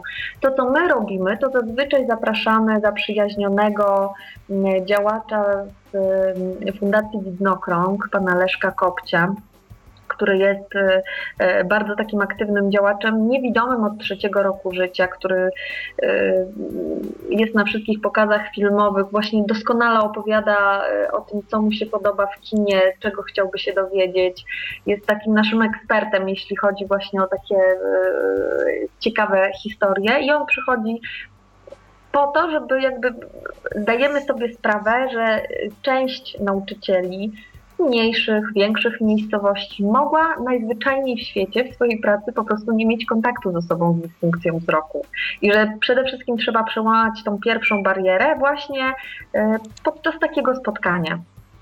E, potem oczywiście są zajęcia z tyflopedagogiem, praktyczne, z białą laską, z symulatorami wzroku, e, z rozmowami, z opisami, z opis wpływaniem jakby dysfunkcji i tego, jak wygląda życie mm, osoby niewidomej. I potem właśnie przechodzimy do tego modułu praktycznego. Tam mamy oczywiście e, teorię z audiodeskrypcji, ale potem bardzo dużo też pracujemy na tekstach, na filmach, e, na programach, w których można robić takie opisy.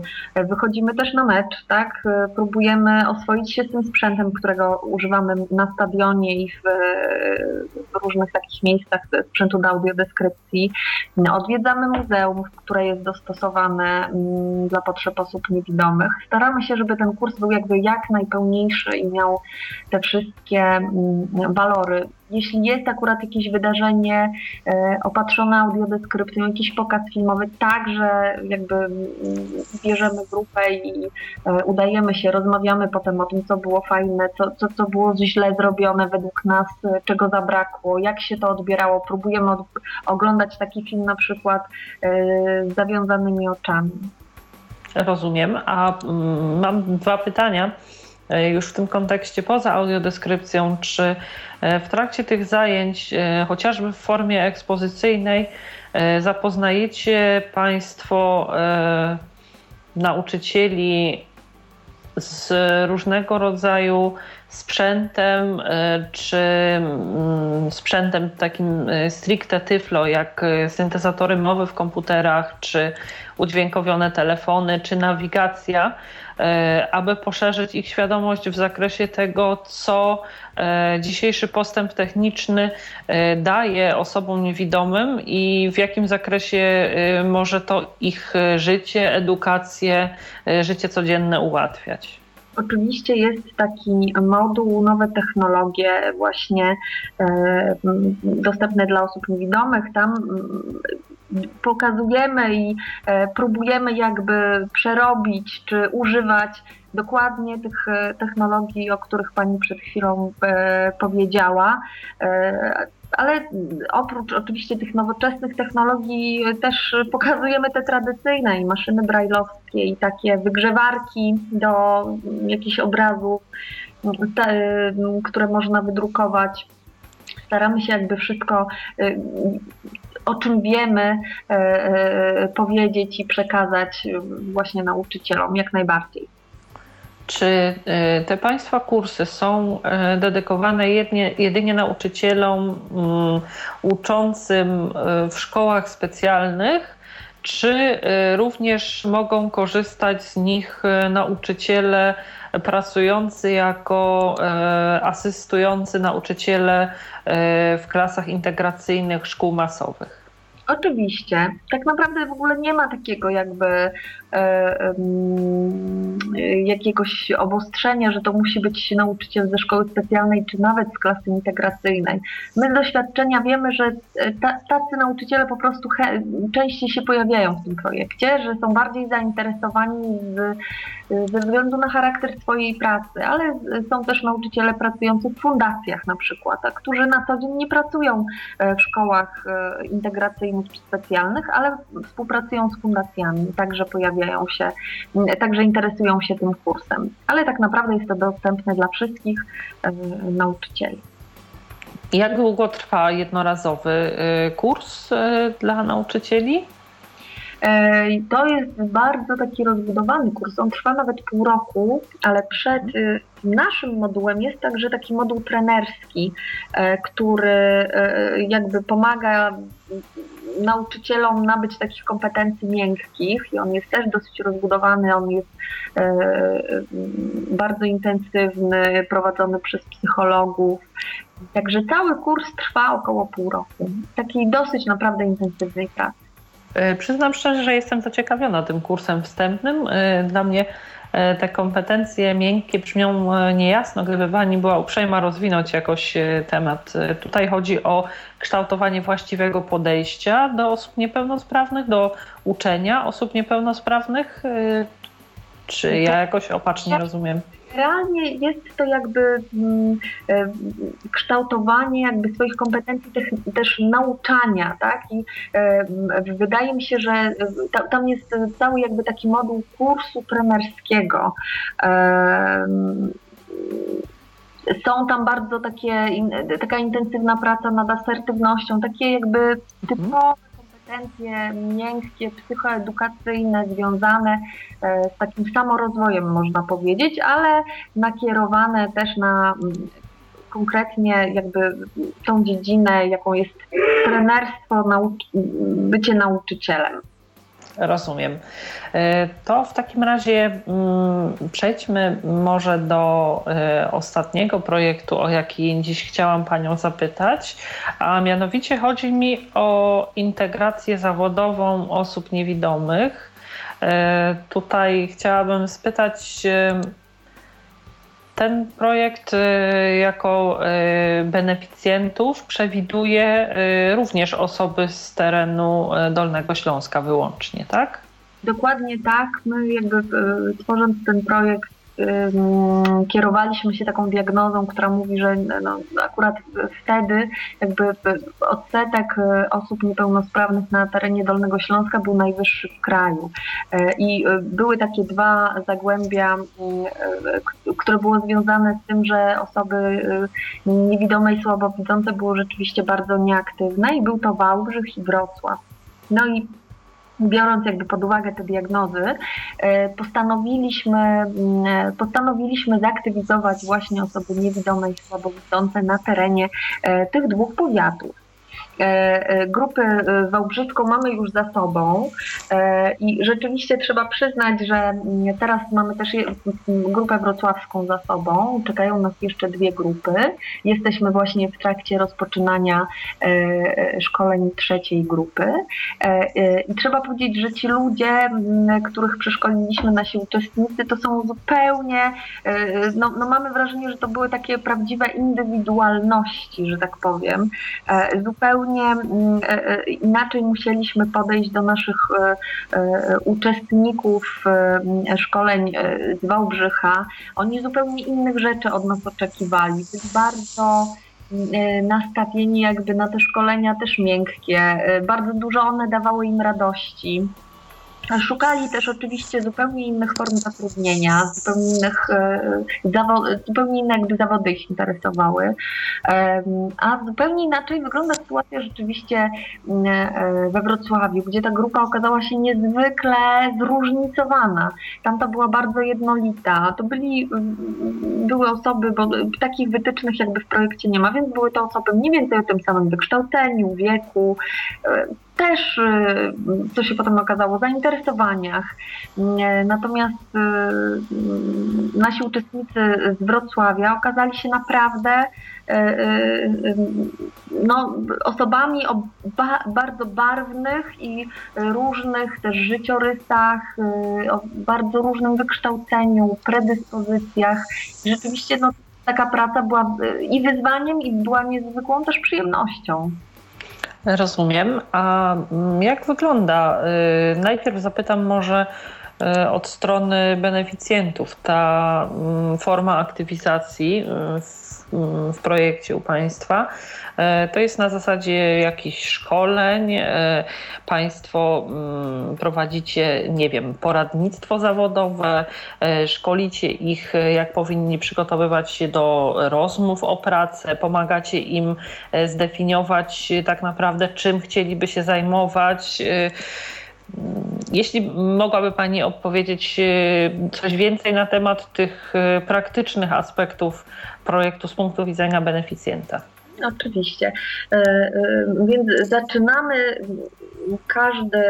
każdą grupę od diagnozy, tak? Czyli właśnie sprawdzamy, jakie są problemy, jakie są mocne strony każdego e, uczestnika, w, w, ramach diagnoz jest też diagnoza psychologiczna i tu często pojawiają się naprawdę takie jakieś zwierzenia, historie. Każdy widać, że z uczestników ma jakąś historię do opowiedzenia, e, jakąś, e, jakieś rzeczy, które go bolą, o których marzy e, i tak dalej. Na końcu takiej diagnozy mm, grupy, w której jest i okulista, i tyflopedagog, i rehabilitant wzroku, mm, i psycholog, znajduje się właśnie doradca zawodowy zawodowy, który stwarza taki indywidualny plan działania, e, przedstawia tam wszystkie mocne i słabe strony, jakieś zagrożenia, potencjały, taki, taką pełną diagnozę stawia na, pod, na podstawie i rozmów, i tych diagnoz, które wcześniej e, otrzymał od pozostałych specjalistów i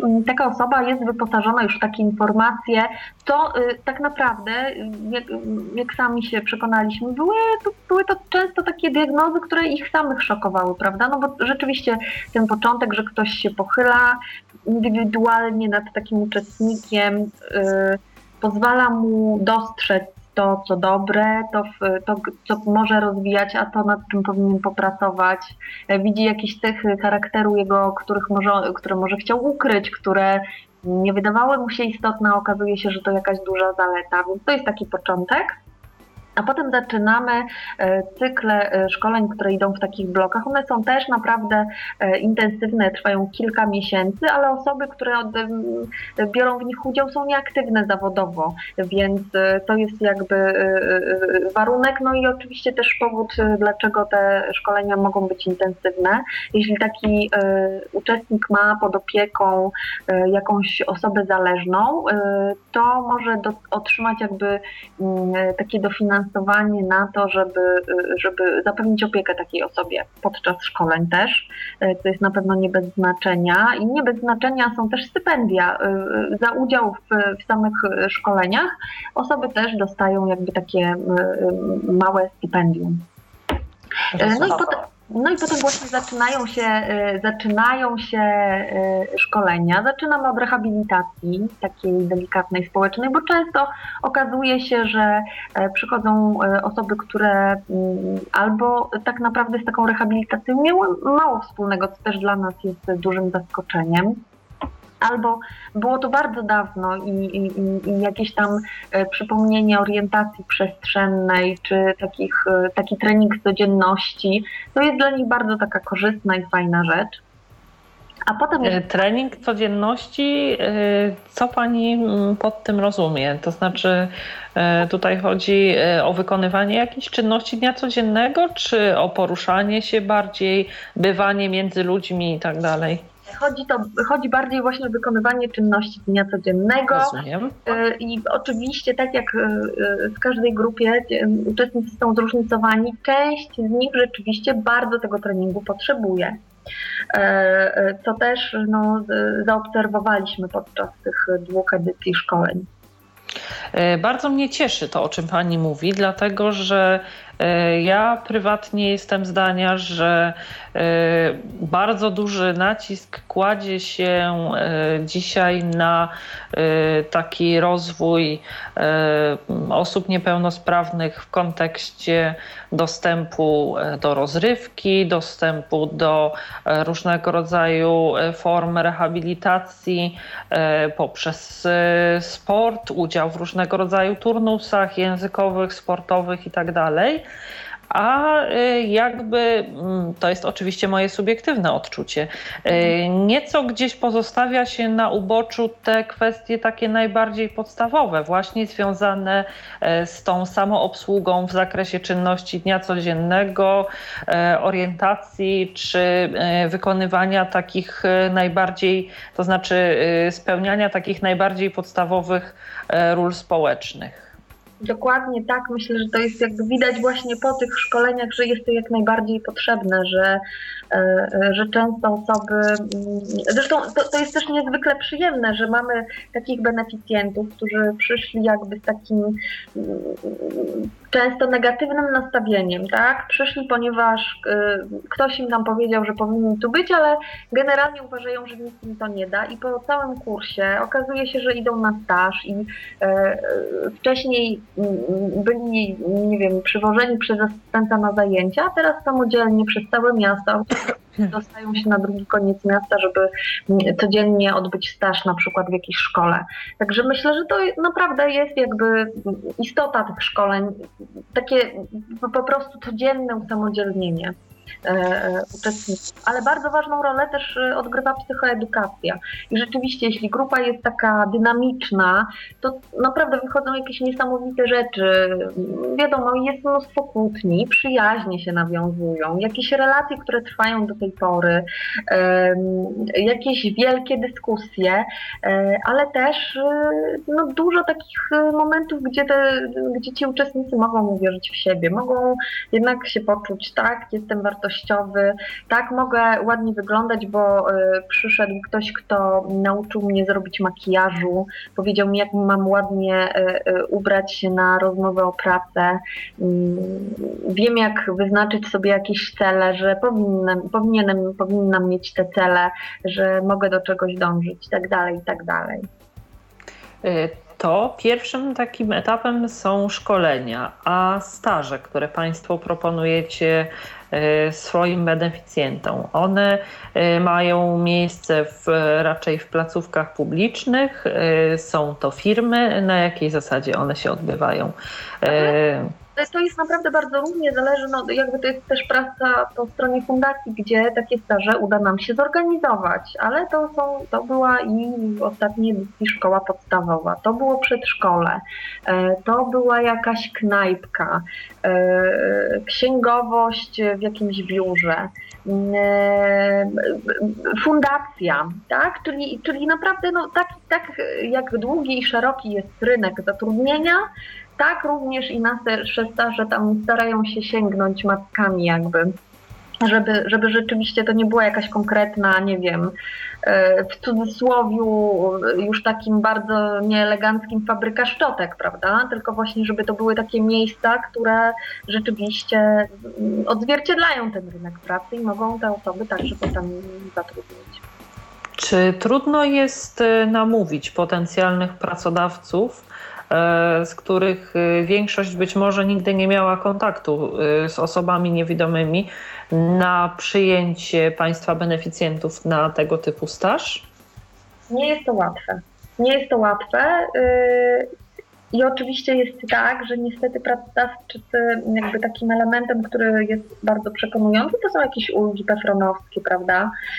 Że, mm, no, że jest, jest to wyzwanie na pewno duże, żeby, żeby, ktoś, żeby ktoś przyjął na staż, a już w efekcie końcowym zatrudnił osobę e, e, słabowidzącą czy niewidomą. To naprawdę trudna sprawa, chociaż niestety muszę powiedzieć, że w drugą stronę też nie jest to takie proste. E, czyli niełatwo jest często przekonać kogoś, kto mm, mimo bardzo dobrego wykształcenia, mimo, e, nie wiem, e, magistra albo licencjatu z prawa, księgowości, informatyki, nie jest gotowy, żeby wejść na rynek pracy, żeby mm, spróbować stażu i coś zrobić. To jest że duża praca. Duża praca. Takich... Dwa, tak? O umysł, można tak to powiedzieć. No tak, y, myślę, że z takich y, okazji, mm, jak choćby staże czy szkolenia u Państwa, y, warto skorzystać chociażby z tego powodu, że im dłużej pozostajemy poza zatrudnieniem, poza rynkiem pracy, tym trudniej nam samym też później zmobilizować się do jej podjęcia i tak samo im dłużej pozostajemy e, bez pracy, nie nabywając e, jakiegoś doświadczenia, chociażby przez staże, e, tym trudniej też później o tą pracę dostać, dlatego że dziś pracodawcy bardzo często jednym z priorytetów, którym kierują się przy zatrudnianiu, nieważne czy pełnosprawnych, czy niepełnosprawnych osób, jest y, nabyte przez nich y, doświadczenie zawodowe. Ależ oczywiście i ten rynek jakby zawodowy jest bardzo drapieżny, bardzo wymagający, bardzo dynamiczny. Dlatego no wydaje mi się, że ja widzę jeszcze wiele, jakby wielką potrzebę w takiej rehabilitacji i psychoedukacji. Myślę, że to też no, to jest oczywiste y, na pewno. Bardzo zależy po prostu od miejsca zamieszkania i od tego, czy y, w jakimś y, samorządzie, czy na terenie jakiegoś województwa panuje bardziej polityka taka opiekuńczo-społeczna, czy aktywizacyjna, bo to myślę, że jest kwestia też naprawdę bardzo zróżnicowana na terenie Polski. To tak już e, na sam koniec e, chciałam zadać Pani jeszcze kilka pytań. E, które z tych projektów, o których dziś rozmawiałyśmy, może też i te, o, których, o które nie pytałam, Pani zdaniem dają najwięcej satysfakcji państwu jako założycielom e, i opiekunom fundacji, e, beneficjentom i pani osobiście. I chciałabym też, e, aby powiedziała Pani, które Państwa zdaniem były takie najbardziej trudne, najbardziej obfitujące w przeciwności w trakcie ich realizacji. Więc tak muszę tutaj wrócić do początku, bo tak naprawdę no, ostatnio i w ogóle ogromną satysfakcję nam dał projekt e, stworzenia ścieżki z audiodeskrypcją po wrocławskim zoo. Naprawdę i, i było to przy tym mnóstwo takiej ciekawej pracy i e, takiej trochę dziennikarskiej e, i twórczej też, tak, żeby napisać te teksty w taki sposób, żeby je się fajnie, po prostu ciekawie i przyjemnie słuchało. Mm, mnóstwo też e, radości dają nam te zajęcia e, dla dzieci edukacyjne, to, że mogliśmy stworzyć taką bazę edukacyjną i rzeczywiście okazuje się, że wcześniej dzieciaki niewidome i słabowidzące no nie miały okazji wielu z tych rzeczy poczuć, dowiedzieć się, poznać. I to na pewno jest projekt, który jakby zrobiliśmy własnymi rękoma, tam wbijaliśmy często nawet tabliczki przy wybiegach. E, kosztował nas dużo pracy i naprawdę dużo takiego e, stresu, ale był, no, dał nam ogromną, ogromną satysfakcję i na pewno będziemy chcieli go rozwijać, być może przeszczepić w jakieś inne miejsca. E, takie właśnie też myślimy, które mogą do, jakby dostarczyć radości takiej normalnej przebywania, nie wiem, właśnie ze zwierzętami, z naturą i tak dalej. I to był rzeczywiście taki projekt. Na pewno chcielibyśmy jeszcze i, to, i ten projekt y, audiodeskrypcji wydarzeń, widowisk muzycznych, to jest coś niezwykłego dla nas i przez to, że to jest y, coś nowego. Mogliśmy od początku jakby pracować nad tym, jak to zrobić, czego unikać, nad czym popracować i wiedząc, że naprawdę to jest taka frajda dla słuchaczy, no to, to to na pewno jest coś niezwykłego, a audiodeskrypcja do meczu po prostu cieszy się dużym, dużą popularnością i też jest czymś takim no, dla nas powodem i do dumy, bo robimy to jako jedyni i rozwinęliśmy to właściwie w Polsce. No i, i taki, taka satysfakcja. To już niejako uprzedziła Pani moje następne pytanie e, dotyczące tego, które z projektów będą Państwo chcieli e, rozwijać nadal. E, a może w takim razie na sam koniec uchyli Pani rąbka tajemnicy, czy być może już plany dotyczące jakichś nowych przedsięwzięć rodzą się w Fundacji Katarynka? I jeśli tak, to czego ewentualnie mogłyby dotyczyć? Rodzą się na pewno takie plany, już od jakiegoś czasu myślimy o tym, żeby stworzyć taki portal VOD, Video On Demand, y, takie coś jak iPlex, tak, czyli na te portale z filmami, y, całkowicie dostosowany dla osób niewidomych i y, niesłyszących. Wydaje nam się, że to jest kolejna taka sprawa, która jest oczywista, tak jak nadawanie audiodeskrypcji przez fale radiowe, coś, co można zrobić prostą, prostym jakby takim patentem, mówiąc kolokwialnie, e, a to powinno być bezwzględnie dostępne dla osób e, e, zarówno niewidomych, jak i niesłyszących. Tak? Korzystanie po prostu z kina, które jest dostępne dla wszystkich. Tak jak ja, osoba zdrowa, widząca, mogę wejść sobie na którykolwiek z portali i po prostu zobaczyć, zobaczyć za darmo jakiś film. Chcielibyśmy coś takiego wdrożyć. Mm, no na razie pracujemy nad tym mam, trwają jakieś rozmowy, w jaki sposób, gdzie, y, no i oczywiście za co. Także to myślimy, że to się stanie, mamy taką nadzieję głęboką.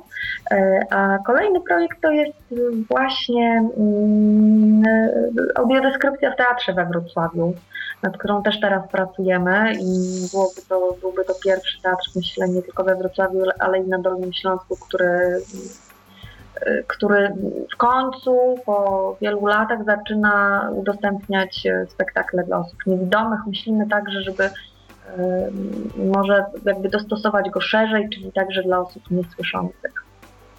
Rozumiem. W takim razie y, i w tych projektach, które mm, zamierzacie Państwo rozwijać, y, kontynuować y, ich e, działanie i w tych, które macie Państwo w bliższych czy dalszych planach e, na przyszłość.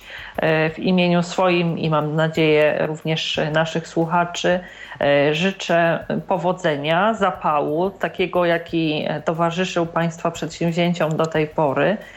I raz jeszcze Y, serdecznie dziękuję za przyjęcie zaproszenia do naszej audycji. Było mi bardzo miło y, gościć y, dziś panią w studiu Babiego Lata. A ja bardzo dziękuję za zaproszenie i że mogłam tutaj z panią i z państwem spędzić te dwie godziny. Dziękuję bardzo i dobranoc. Dziękuję bardzo. Przypomnę Państwu, że moim i Państwa gościem była dziś pani Justyna Mańkowska z Fundacji Katarynka. E, ja zapraszam do e, wysłuchania audycji Babiego Lata e, w przyszły czwartek. Dziękuję także w imieniu naszego realizatora, którym był dziś Tomasz Bilecki.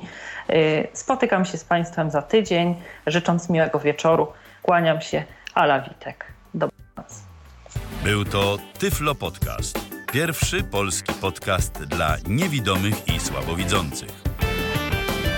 Program współfinansowany ze środków Państwowego Funduszu Rehabilitacji Osób Niepełnosprawnych.